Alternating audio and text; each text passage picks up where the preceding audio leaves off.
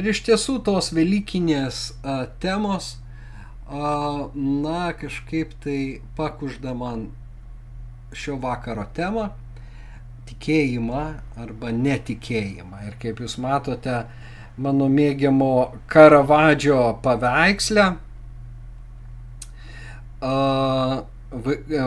kuris vaizduoja mokinius, na ir svarbiausia, Tomą, dvynį, kišantį pirštą į Jėzaus žaizdą Ir štai bus mūsų pagrindinis tekstas, bet taip pat mes pasižiūrėsime, na, šiek tiek pasvarstysime. Ar Tomas buvo tikintis, ar kaip galvojo Karavadžio ir ne jis vienas, daugelis, na, tapytojų tapiusių šią sceną. Be Karavadžio galima Rubensą būtų paminėti, nors jis tikrai neprilyksta Karavadžio na, meistriškumu ir, ir, ir, ir tai vienas stipriausių, sakyčiau, na, paveikslų biblinė tematika, apskritai Naujojo testamento, man labai stiprus yra, aišku, yra ir kitų gražių paveikslų, nėra net kal, kal, ką kalbėti, bet Šis paveikslas labai išraiškingas ir keletą žodžių mes dar vėliau na, tarsim. Bet šį sekmadienį ateinantį bus taip vadinamas atvelgis arba, na, savaitė po Kristaus prisikėlimo. Ir Jonas savo Evangelijoje yra aprašęs, kas vyko savaitę po Jėzaus prisikėlimo Na ir čia va tas, tai kas vyko užfiksuota iš tiesų yra šitame paveiksle. Taigi, paskaitykime mūsų tekstą.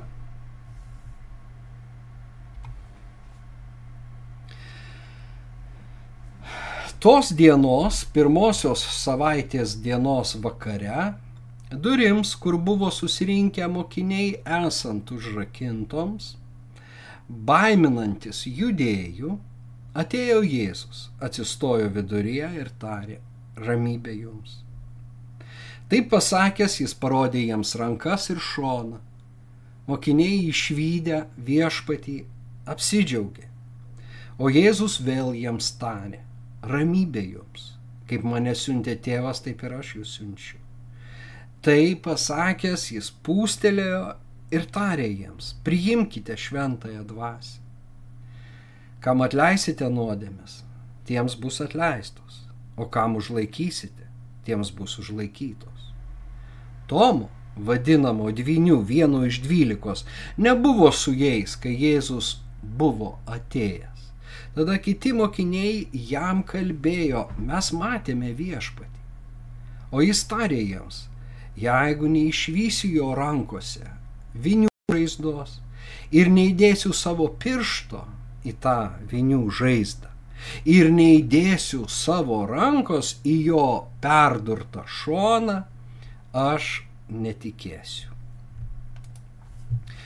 Po aštuonių dienų jo mokiniai vėl buvo namo viduje ir Tomas kartu su jais. Jėzus atėjo durims esant užrakintoms. Atsistojo vidurėje ir tarė, ramybė jums.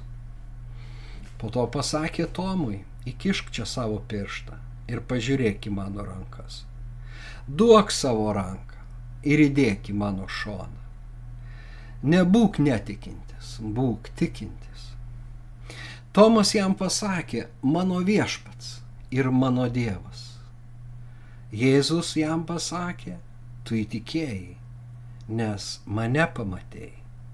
Laimingi, kurie tiki nematę. Savo mokinių akivaizdoje Jėzus padarė dar daug kitų stebuklingų ženklų, kurie nėra aprašyti šioje knygoje. O šitie aprašyti įdant tikėtumėte, kad Jėzus yra Kristus, Dievo sūnus ir tikėdami turėtumėte jo vardu gyvenimą.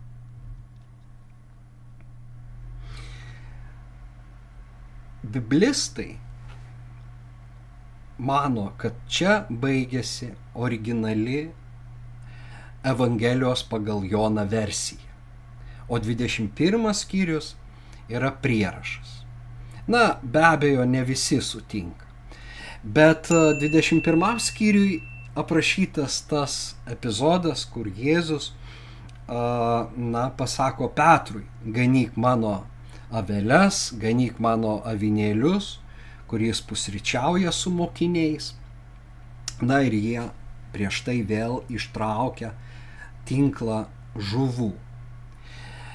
Bet kaip ten bebūtų, mes labai aiškiai matom, kad tarp to paskutinio epizodo papasakoto 20 skyriuje, kuriame centrinė vieta iš tiesų užima kaip ir paveiksle uh, Tomas Dvinys. Nuo to epizodo aiškiai pereinama apskritai prie visos Evangelijos, nes tai jau yra apibendrinimas visos Evangelijos. Evangelijos pagal Joną. Kad Jėzus padarė savo mokinių akivaizdoj dar daug stebuklų, ne visi čia surašyti. Bet šitie surašyti, tarp kitko, šitie suskaičiavus stebuklus gaunasi septyni. Ir nėra dviejonės, kad visa Jono Evangelijos kompozicija yra, na, pastatyta ant tų septynių kalvų, ant tų septynių stebuklų. Ir, na, kad jie yra reikšmingi, kiekvienas iš, iš jų. Ir čia 20 skyriuje, reiškia, na, jokio stebuklo nevyksta, bet, na, jis, jo paties pasirodymas, pirma Marijai Magdalietiai, po to kitiems apaštalams, na ir galiausiai apaštalams drauge su Tomu. Ir visi tie na, stebuklai, septyni ir kiti nesurašyti, nes sinoptikai aprašo kur kas daugiau iš tiesų stebuklų, vien kitose evangelijose mes galim jų pririnkti. Bet Jonas rezumuoja, yra parašyti, kad jūs tikėtumėte.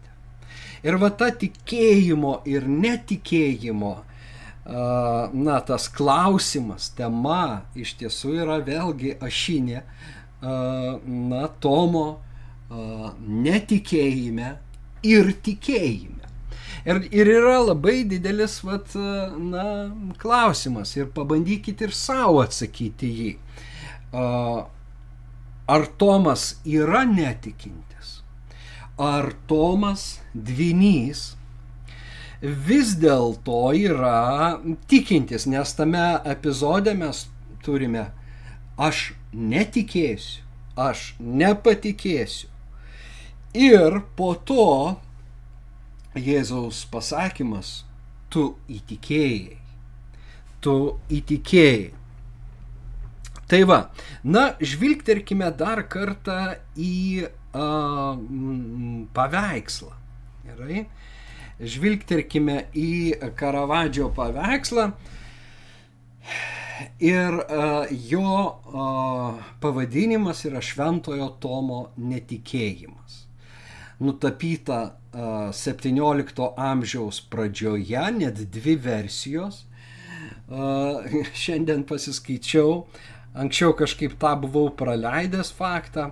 Viena pavadinta pasaulietinė, o kita ekleziastinė, na, bažnytinė. Bet tai buvo greičiausiai privačių asmenų užsakymų atlikti darbai. Jie labai panašus, tik tai ta ekleziastinė versija yra šviesesnė, jūs laisvai internete galite rasti. Ir dar vienas dalykas, kuris skiriasi, yra Jėzaus šlaunis. Ekleziastiniai versijoje jinai apdengta, o štai šitoj, kurią mes žiūrime pasaulietiniai versijoje, ta šlaunis a, matosi nuoga. Mes čia neapimam viso paveikslo, bet tai iš tiesų galbūt detalė dominanti daugiau na, dailės tyrėjus, dailės Ir, na, mm, bet įdomu, kad reiškia, vat, na, tos, tos dvi versijos. O visų kitų tie paveikslai praktiškai yra identiški, tik tai čia yra didesni kontrastai. Ir, na, Tomas ne vienas, manoma, kad už jo uh, yra Petras ir Jonas, nes Karavadžio yra tapęs mm, Petrą Iš tiesų keli jo paveikslai ir Petro nukryžiavimas yra ir dar vienas. Na, bet pats išraiškingiausias be abejo yra Tomas, kuris matom su suplyšusią na, rankovę, toks na, kaip ir prašiokas šiek tiek, bet jo o, akis, jo veidas yra be galo išraiškingas. Ir jis eina, jo veidas tarsi padalintas į tą tamsią pusę šešėlyje ir šviesę, kur yra apšviesta, krenta iš kairės pusės. Ir, na, be abejo, Jėzų apšviečia ir Tomą. Na, ir tyrėjai sako, kad tai yra simbolis Karavadžio būtent tas ėjimas iš netikėjimo arba iš dviejonių tamsos į tikėjimo šviesą, į gyvenimo šviesą. Na, aš pasakyčiau netgi taip, kad įsižiūrėjimas į Kristų, į jo žaizdas, į jo kančią, na, išveda žmogų iš tamsos valdžios į Dievo karalystę. Ir čia iš karto prisimenu Pauliaus žodžius iš jo uh, pasakojimo užrašyto paštalų darbų 26 skyriuje, kur uh, skaitome, kad uh, na, Paulius gauna Kristaus pavedimą skelbti Evangeliją ir pasako tokius žodžius jam skelbti pagonims, įdant atvertum jų akis ir atgręžtum juos iš tamsos į šviesą, nuo šetono valdžios į Dievą.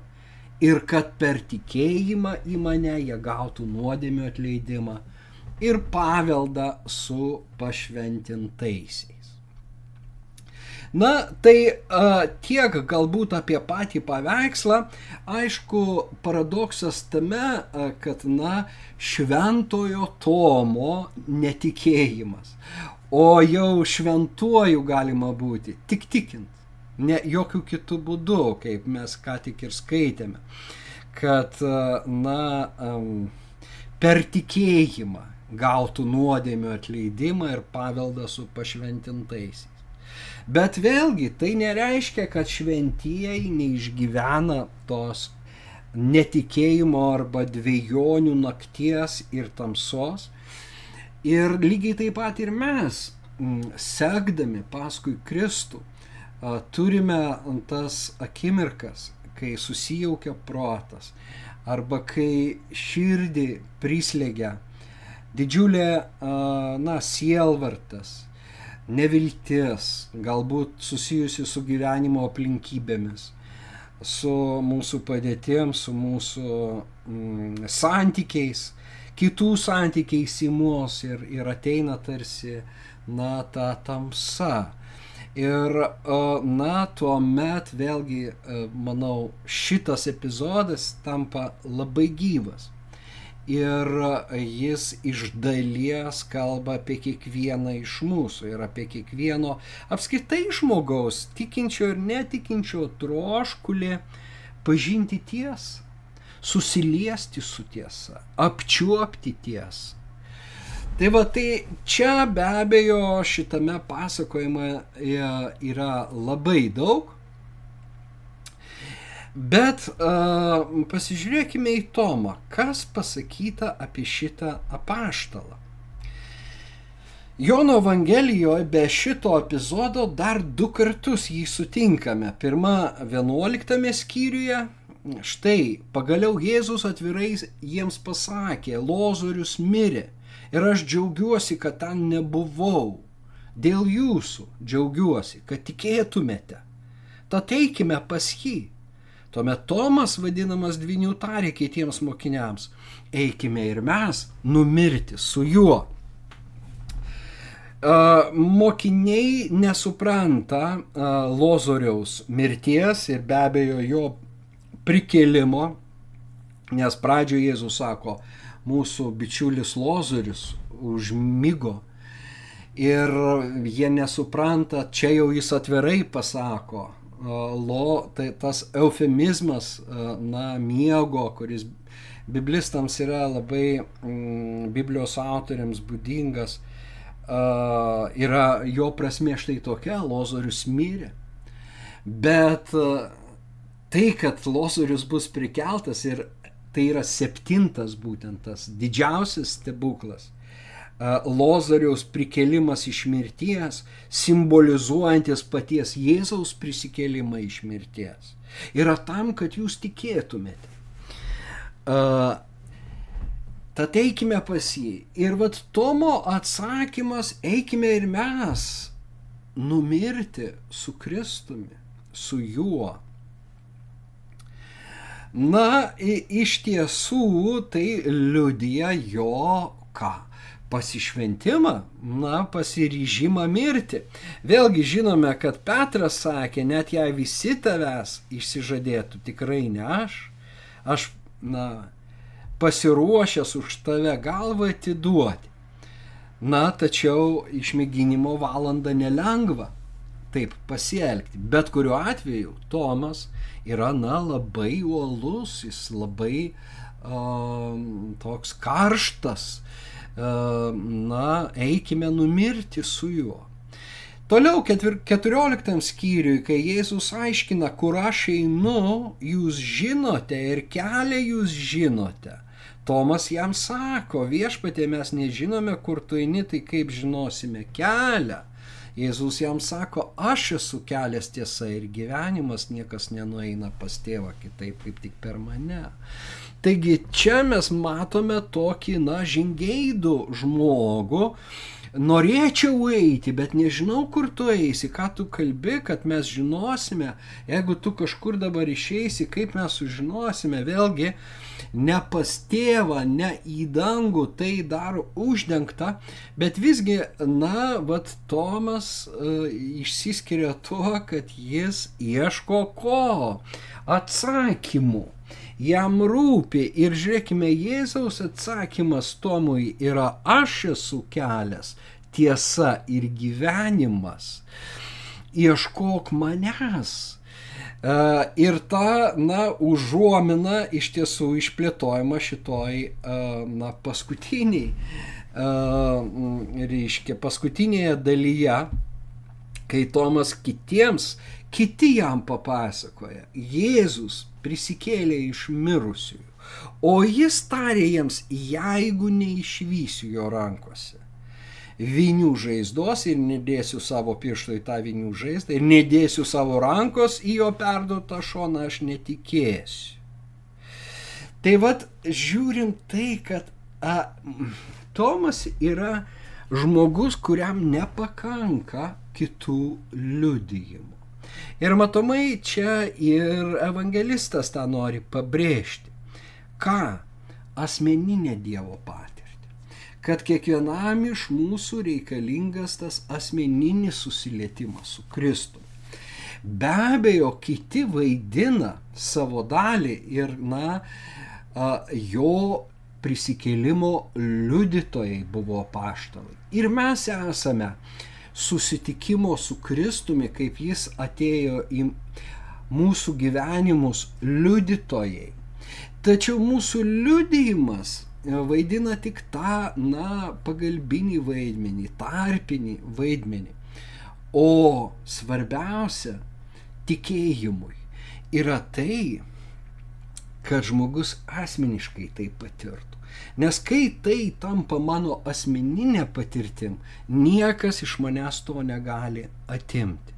O jeigu tai nėra mano potyris, Ir tai yra tik girdėti žodžiai, kad ir teisingi, kad ir, na, apie Jėzų, kad ir biblijiniai, tačiau jeigu jie netapo mano savastimi, greičiausiai, na, ateis ta valanda, kai aš juos paliksiu. Kai ne tik paliksiu, bet ir, na, na va, reiškia, įsižeisiu arba suklupsiu. Ar ne, čia tas skandalas, skandalizo, apie ką aš kalbėjęs esu, kai e, kalbėjau apie vertimą, švent naują į vertimą. Tai, na, gali ir taip atsitikti. Reiškia, kad Jėzus tampa man suklupimo akmuo. Kodėl? Todėl, kad jo žodžiai netapo mano savastimi. Tai va čia yra tas vedimas, tas vedimas, na, tikėjimo link ir Dievo potyrio autentiško ir asmeniško link. Ir čia Tomas nebeblogas pavyzdys. Jo tas, na, jeigu neišvysiu, aš pats netikėsiu. Ir mato, tada Tomas iššoka iš minios, kuri seka dėl autoritetų, dėl tradicijų, Dėl to, kad, na, žmonės e, seka, taip kalba ir aš taip darau, aš ne viską suprantu, bet aš taip angažuojuosi. Akivaizdu, kad Evangelija pagal Joną rodo, to tai nėra tikėjimas. Tai yra plaukimas pasroviui, galbūt iš pagarbos tėvams, protėviams, mokytojams, autoritetams, dar dėl kažko, bet tame nėra jokios darybės ir nėra širdies tikėjimo. Reikia būti tokiu kaip Tomas, kuris sako, man reikalingas asmeninis Dievo potyris. Ir aišku, čia yra tas empirinis momentas, apie ką mes pakalbėsime aš turiu pačiuopti, bet tuo metu tokia galimybė buvo. Aš turiu įsitikinti savo jūslėmis, kad yra taip, kaip jūs sakote, nes jūs sakote, kad jūs jį regėjote. Ir tada e, tai, kas išskiria Tomą ne tik iš minios, bet ir iš dvylikos, e, Evangelijoje pagal uh, Joną, iš tiesų jis vaidina labai svarbu vaidmenį. Mat, Jonas susirūpinęs tikėjimo ir netikėjimo klausimu apskritai savo Evangelijoje. Kiti sinoptikai tik pamini tarp dvylikos Tomą.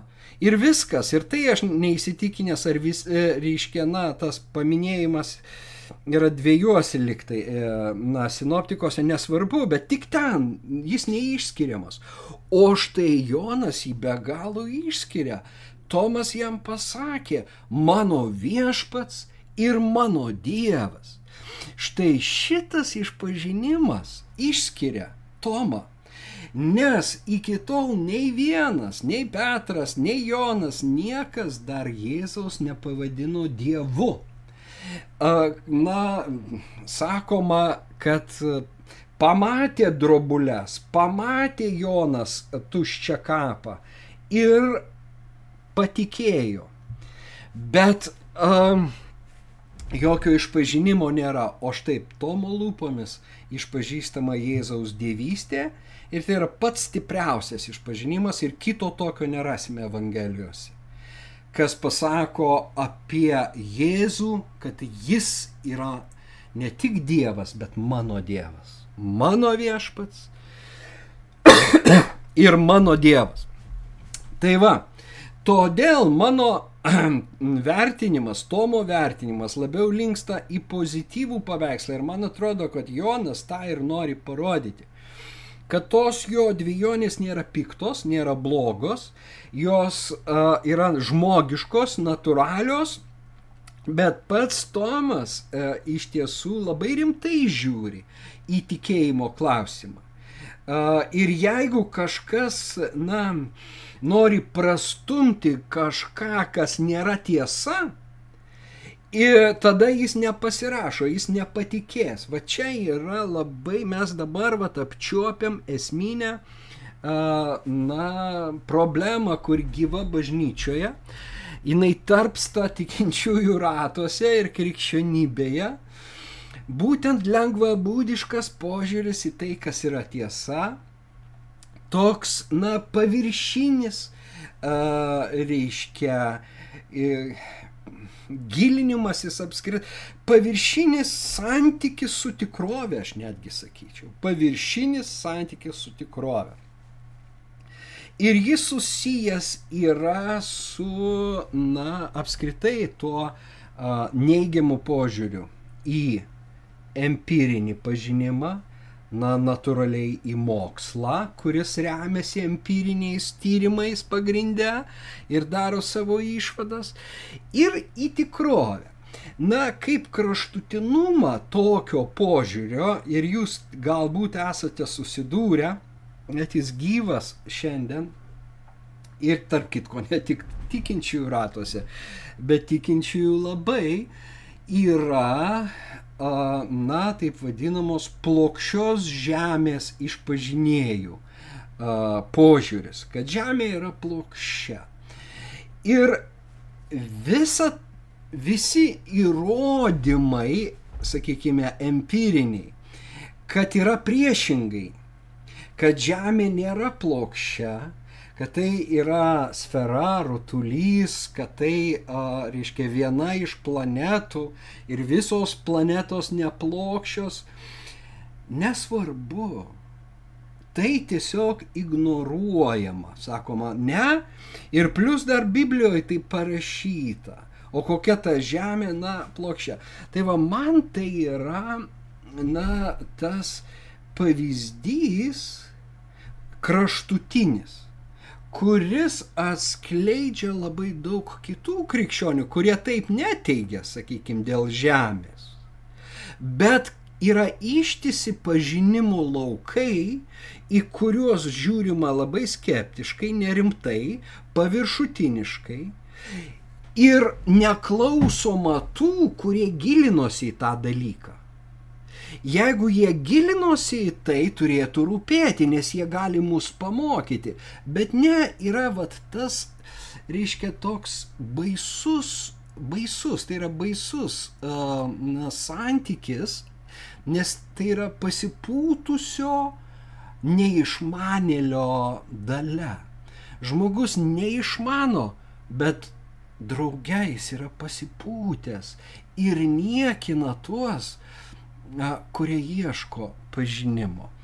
Tai vad, Tomas yra priešingybė.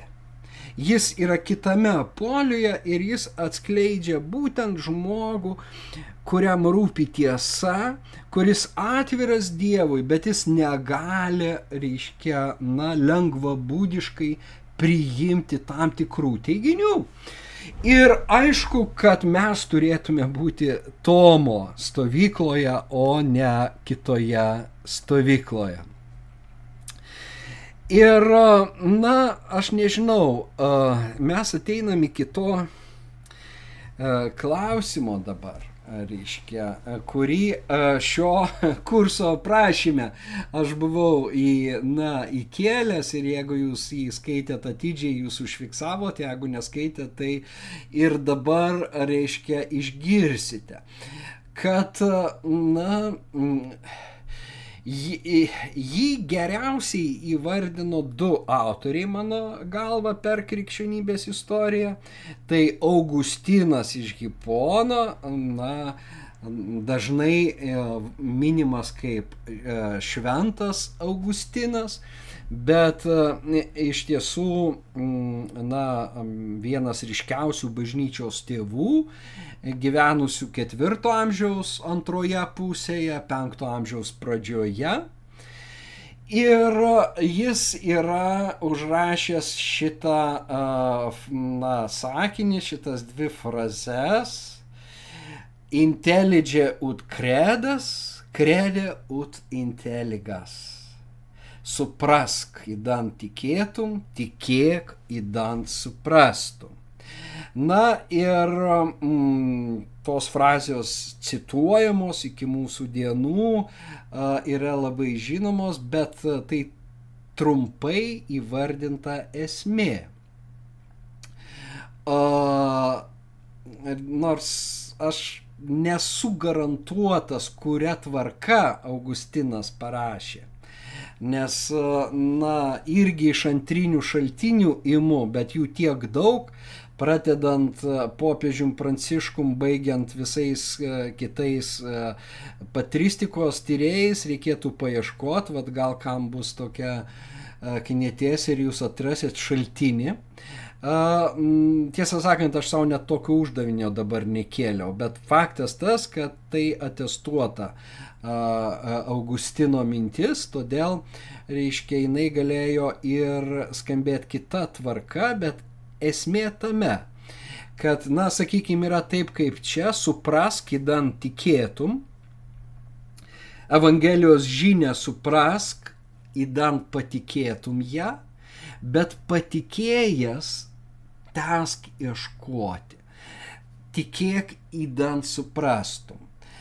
Uh, nors vėl kažkas gali pasakyti, kad, na, netikinčiam žmogui yra sakoma, tikėk ir tu suprasi Dievo slėpinius, o tikinčiam žmogui sakoma, kad uh, kuo daugiau tu suprasi, uh, tuo tvirtesnis bus tavo tikėjimas. Bet bet kuriuo atveju galim ir taip, ir taip versti. O štai Anzelmas jau 11 amžiaus uh, Kenterburio uh, arkivyskupas jis tapo, jis buvo vienuolis, uh, na, užrašė uh, tokį uh, Fides quorens intellectum, tikėjimas ieško pažinimo. Ir va tas, va, kad tikėjimas nepriešinasi pažinimui. Tikėjimas nėra, reiškia, prieš pastatomas pažinimui, bet tikėjimas ieško pažinimų. Ir vat ta prasme Augustinas ir Anzelmas tarsi, na, stojasi kitoje pusėje nei Kierkegoras, į kurio mintys mes taip pat gilinomės kalbėdami apie Abromo tikėjimą. Nes Kierkegoras apibūdina tikėjimą kaip šuolį į nežinę, kaip šuolį į tamsą ir neaišku, kur tu nusileisi, neaišku, kuo viskas baigsis. Bet štai šitie, na, krikščionių mąstytojai, jie kalba apie tai, kad tikintis natūraliai sieks gilinti savo pažinimo šaknis. Ir faktas, kad nereikia mums kažko, tai e, galim skaityti Paulių, ir kuris nuolatos kalba apie pažinimą. Apie Kristaus pažinimą, apie mąstymo atnaujinimą tame pažinime, apie augimą, bre, brandimą ir taip toliau. Bet, vat, na, Augustinui ypatingai šitas klausimas rūpėjo, tiesos. Nes jaunystėje jo motina Monika na, stengiasi įdėkti tikėjimą savo vaikui, bet jis pasitraukė nuo tikėjimo. Kodėl? Nes jam tikėjimas buvo neracionalus, per mažai a, pagrystas. O Augustinas akivaizdžiai turėjo tą, na, bet filosofo, mąstytojo dovaną ir, na, jisai gilinosi į jam prieinamus mokslus ir pranokdavo savo bendramžius, bet, mm, na, Monika melsdavosi už jį ir jūs gal pamen, žino tokią frazę, kai jinai sako, atėjusi pas vieną vyskupą, kad, na, mano sunus žūsta, o tas e, atsako, na, tiek ašarų pralietų už žmogų, toks žmogus niekada nepražus, negali pražūti žmogus, už kurį pralieta tiek daug ašarų ir tai išsipildo. Milane Augustinas na, dėsto retoriką ir grinai žingeidumo vedamas ateina Milano vyskupo Ambraziejaus paklausyti katedroje, kad galėtų na, pasidalinti su savo studentais retorikos klausimais, bet Aišku, aš jau praleidžiu, aš čia labai trumpinu.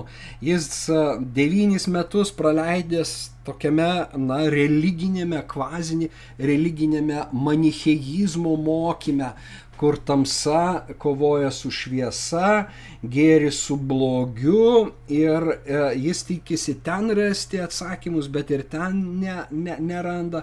O štai klausydamas Ambraziejaus jisai yra paliečiamas ir galiausiai išgirsta balsą sakantį imk ir skaityk sode, atsiverčia šventą raštą, laišką romiečiams, ką po to praktiškai pakartos Liuteris, nors kitą e, vietą. Ir perskaitė supranta, kad Dievas jam kalba ir atsiverčia po metų tas pats Ambrazėjus jį uh, pakrikštyje su jo sunumi ir uh, jo draugu.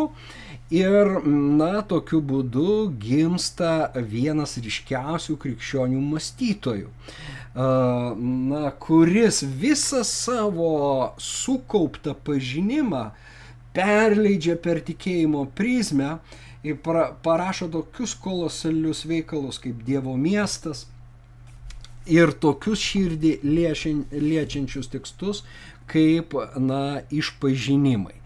Ir va čia a, yra rekomenduotinas skaitinys, reiškia Augustino išpažinimai, jeigu nesate skaitę, būtinai paskaitykite.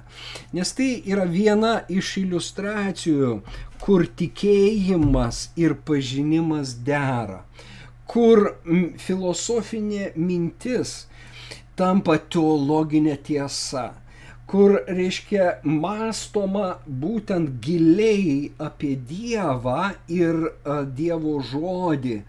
Ir tu skaitydamas negali nesižavėti ir jauti, kaip tavo tikėjimas yra sutvirtinamas. Ir drauge tai labai persunkta meilė Kristui knyga.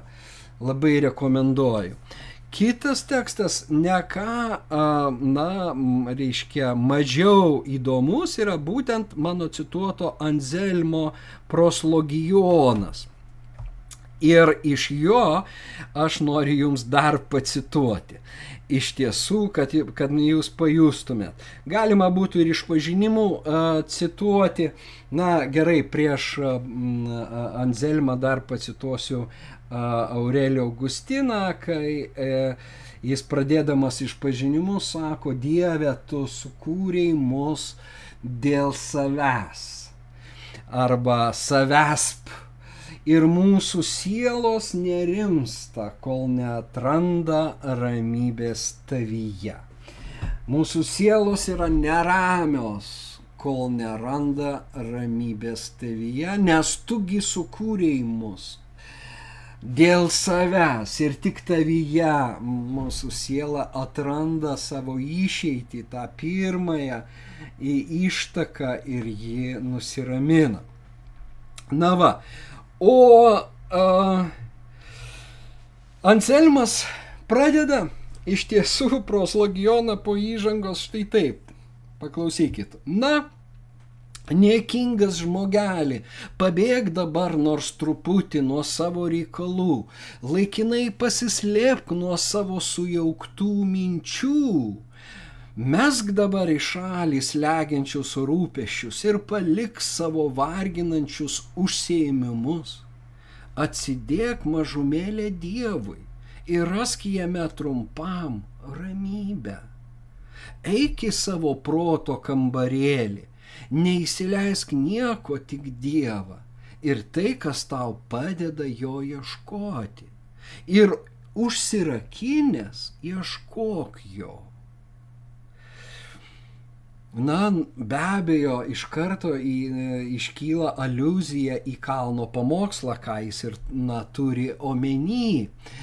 Uh, Jėzaus kalno pamokslę, kuris moko melstis, kai jūs melžiatės, reiškia nesimelskit kaip veidmainiai viešai, bet užsidaryk savo, na, tame vidinėme, slaptame kambarį, tarp kitko tas graikiškas žodis ga, gali reikšti slėptuvę, tame slaptame kambarį ir ten melskis Dievui. Na ir proslogionas tai yra kontemplatyvi malda malda, tai yra kontemplatyvus pokalbis su Dievu, kur Anzelmas užduoda klaus, jam rūpimus klausimus ir negauna atsakymų. Ir Anzelmas yra tas žmogus, kuris vėlgi yra archetipinis mums visiems, nes jis atstovauja žmogų su klausimais be atsakymų. Jo klausimai yra labai gilūs, mūsų klausimai ne visada traukia iki tokio gilio, bet mes turim išmokti, ieškodami atsakymų, būti patenkinti ir, na, dėkingi net neturėdami tų atsakymų, dar negavę tų atsakymų. Ir mes matom, kad tas Tomo ieškojimas ten trūksta gal savaitę, ar ne, mokinių, na, natūralu, nes Jėzus turi žengti į, į dangų, bet kartais tas periodas gali būti ilgesnis kai yra klausimai, yra noras, reiškia atsakymų, bet tų atsakymų nėra. Na ir žiūrėkime, kaip Anzelmas sako, bilok dabar visą mano širdį, bilok dabar Dievui, aš ieškau tavo veido, tavo veido viešpatie ieškau. Kaip gražu. Kągi darys tavo tarnas? Kankinamas meilės tau ir pamestas toli nuo tavo veido. Jis dega norų regėti tave, bet tavo veidas per toli nuo jo. Jis trokšta prieiti prie tavęs, bet neprieinama tavo buveinė. Jis nori rasti tave, bet nežino, kur tu esi. Jis geidžia ieškoti tavęs, bet nepažįsta tavo veido. Viešpatie, esi mano Dievas ir mano viešpats, bet niekada tavęs nemačiau. Tu sukūrei ir atkūrei mane ir sunešiai man visas mano gerybės, bet vis dar tavęs nepažįstu. Na va, kaip gražu na, ir įdomu iš tiesų skaityti žmonės, jų refleksijas, jų kontempliacijas, jų maldas, kuriems Kristus buvo brangus, bet kurie nebuvo toje stovykloje anti intelektualinėje antipažinimo stovykloje, supriešinančioje tikėjimą ir protą. Padarant, na, ta stovykla padaro tą dichotomiją proto ir, ir tikėjimo prieš priešą.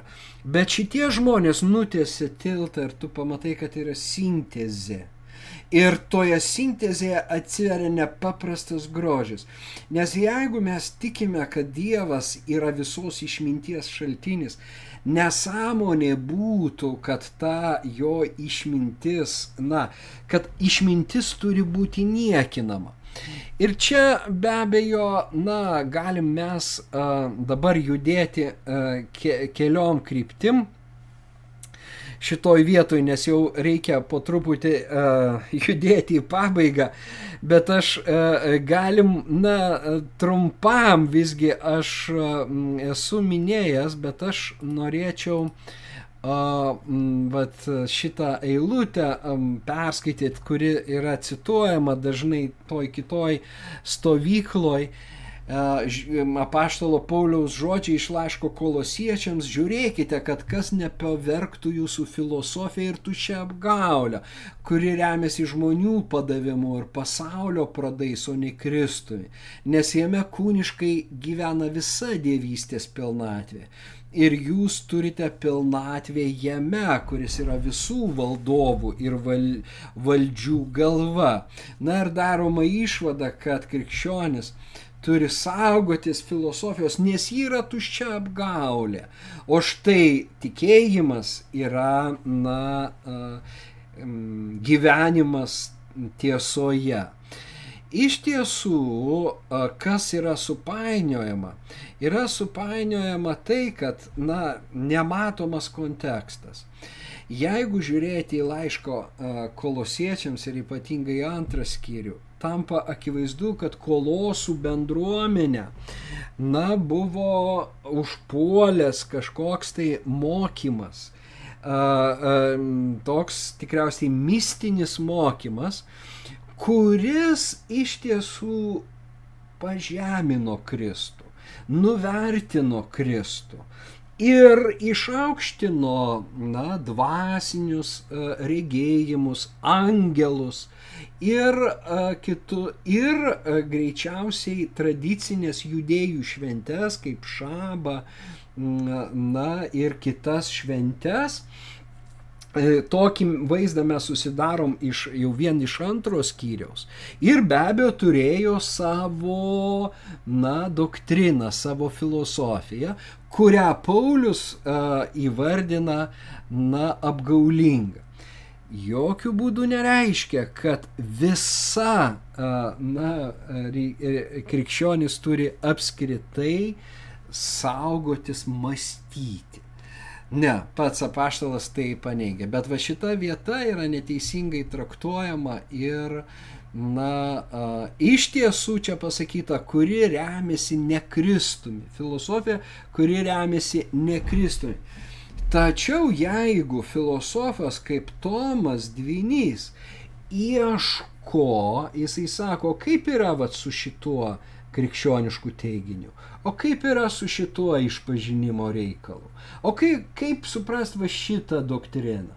Kaip Tomas, mes neturim jo, na, dem, demonizuoti, atstumti, kaip klai, klaid, nu, klaidžiamokslio skelbėjo, bet galim patys pradėti tirti tuos dalykus, rasti atsakymus ir tada eiti į polemiką, į diskusiją, į kontaktą, į dialogą, net su kitaip, e, e, na, e, mąstančių, bet sąžiningų mąstytojų.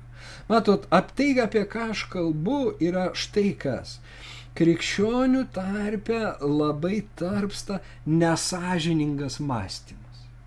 Vakas. Arba, sakykime, yra, sako, sąžiningas žmogus, bet sąžiningas ne tik ten finansuose, ne tik ten sąžiningas, reiškia, na, kažkokiuose uh, kituose dalykuose, bet sąžiningas mąstymo reikaluose. Ir gaunasi taip, kad pilna tų nesažiningų. O nesažiningi, reiškia, yra tie, kurie nemasto, bet sako, kiti klysta aš turiu, atsa, aš turiu tiesą, kiti klysta. Bet kai ją reikia pagrysti, pasirodo, kad tai yra bukas, va, toks reiškia. E, žmogus, kuris nieko negali paaiškinti, arba jis pralošė tas, tuos disputus. 20-ojo amžiaus pradžioje buvo žinomas toks disputas, kur praktiškai uh, krikščionybei, Amerikos krikščionybei buvo suduotas smūgis būtent tarp vieno, na, kūdigo, kuris be galo buvo pasipiktinęs darvinizmu. Ir dar, dar, darvinizmas jam, na, buvo kaip pragaras, kaip, kaip, kaip, kaip va, doktrina iš pragaro. Uh, Ir įvyko tas disputas, reiškia, ir jis visiškai buvo su, na, nugalėtas. Ir vat, tai ėjo į, į Amerikos krikščionybės istoriją ateisiančioms kartoms, kaip nereikėtų krikščionims elgtis ir kokiais būti. Tai va čia, na, mes susidurėm su šitų klausimų ir per Tomo šitą epizodą ir jau visai baigdamas aš, reiškia, paliečiu tą, sakykime, regėjimo ir tikėjimo klausimą. Nes Jėzus pasako Tomui, tu įtikėjai, nes mane pamatėjai. Laimingi, kurie tiki nematę. Na va, taigi Jėzus pasako, kitos uh, kartos neturės šitos privilegijos matyti mane, bet jie turės tą privilegiją tikėti manim. Ir uh, kas tiki, nematęs, bus laimingas savo pasirinkime. Ir Petras uh, savo laiške yra užrašęs eilutę, eilutę, kuri mano gyvenime padarė didelį perversmą ir iš tiesų mane atvertė dievop uh, ir atvedė į atgailą tikrą tą žodžio prasme. Uh, aš esu galbūt pasakojęs jums, gal ne visi esate girdėję, bet vat, aš skaičiau, tuo metu dirbau dramos teatre Vilniuje tuo gaisrininku, bet iš tiesų tuo, reiškia, prižiūrėtoju, kuris turėjo duoti raktus, po to na, užrakinti teatrą, miegoti ten teatre, saugoti, sakykime. Ir aš padavinėju tuos raktus prieš spektaklį ir skaitau pirmą Petro laišką, mm, na, mm, ten pasislėpęs, pusiau pas tiesiog pasidėjęs. Ir ateinu iki šitos eilutės, nors nesate jo matę, jį mylite, nors dar neregite, tačiau jį tikite ir džiūgaujate neapsakomu, kupinu šlovingumo džiaugsmu. Tai naujas vertimas. Ir staiga aš suprantu, kad čia apie mane, kad aš jau myliu Jėzų, kad aš jau skaitydamas uh, Naująją Testamentą ir patirdamas tą gerumą, jau jį pamilau. Ir man pasidaro taip liūdna dėl savo to nesgrabumo tokio, nepaslankumo. Ir tada aš pamatau save, na, kaip nejautrų žmogų labai.